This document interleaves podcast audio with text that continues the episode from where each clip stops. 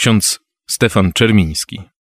Rozmowy o grzechach. Kiedyś usłyszałam od mojej znajomej, wiesz, chciałabym się wyspowiadać przy stoliku. Uśmiechnęłam się wtedy, bo wiedziałam, że nie w stoliku istota tego sakramentu. Sama parę lat wstecz usiłowałam znaleźć spowiednika, który pomógłby mi wyjść z sytuacji, w którą się zaplątałam. Chciałam, by poświęcił mi trochę więcej czasu, żebym mogła swobodnie opowiedzieć o tym, co mnie gryzie. Potrzebowałam rozeznania, gdzie jest źródło wracających jak bumerang konfliktów, gdzie powód mojej determinacji w animowaniu wydawałoby się beznadziejnej sprawy, z czego rodzą się cykliczne bóle głowy. Chciałam spytać się kogoś mądrego, co by zrobił w mojej sytuacji. Jeden umówiony w parafialnej rozmównicy wysłuchał, skomentował i szybko wyszedł. Cały czas denerwowałam się, że on widzi w tym spotkaniu coś niestosownego. A sprawa była konkretna i poważna. Wiedziałam, że ten człowiek nie chce plątać się w moje życie. W końcu jeden mnie znalazł. W urszulańskim liceum, w którym pracowałam.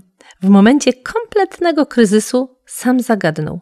Było to wówczas, kiedy zmęczona do granic możliwości pomyślałam, poradzę sobie sama. Źle się czujesz? Coś ci jest? Zaczął. Pamiętam, że okropnie na niego burczałam. Myśli ksiądz, że mi ksiądz pomoże? Kpiłam.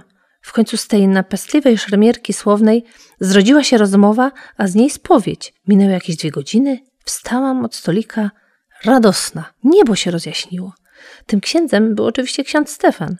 W ciągu trzech kolejnych lat spowiedzi było wiele. Nie brzydnie już księdzu słuchać tych moich głupot? Pytałam.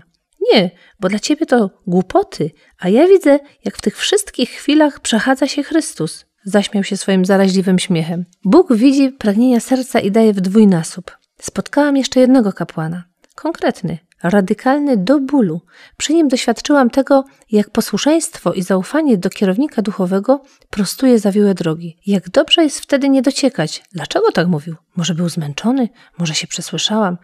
Spowiednik jest jak generał. Trzeba jego rady przyjmować jak rozkazy nie zastanawiać się nad ich logiką.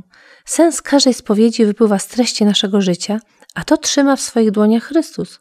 Kiedyś zobaczymy, że to z Nim siedzieliśmy przy stoliku.